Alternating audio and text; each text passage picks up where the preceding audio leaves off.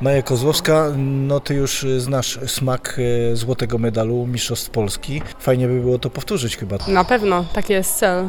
I ne, nie wyobrażam sobie innego scen- scenariusza niż medal. Składy jednak się troszeczkę zmieniają. Tak, zmieniają się, ale myślę, że oba zespoły mają szansę na pierwszą czwórkę, jeśli nie na złoty medal. Gabriela Lebiecka niedawno zostałaś ogłoszona jako kolejna zawodniczka tego pierwszego zespołu AZS AJP, no a teraz y, póki co wyjeżdżasz do Warszawy na Mistrzostwa Polski 3 na 3 Będzie to dobry początek, jeśli chodzi o powrót do koszykówki, bo jak dużo osób zauważyło, przez rok mnie nie było. Mamy nadzieję, że damy z siebie wszystko i że ta pierwsza czwórka będzie w zasięgu naszej ręki. Mimo wszystko są bardzo silne zespoły na, na tych mistrzostwach.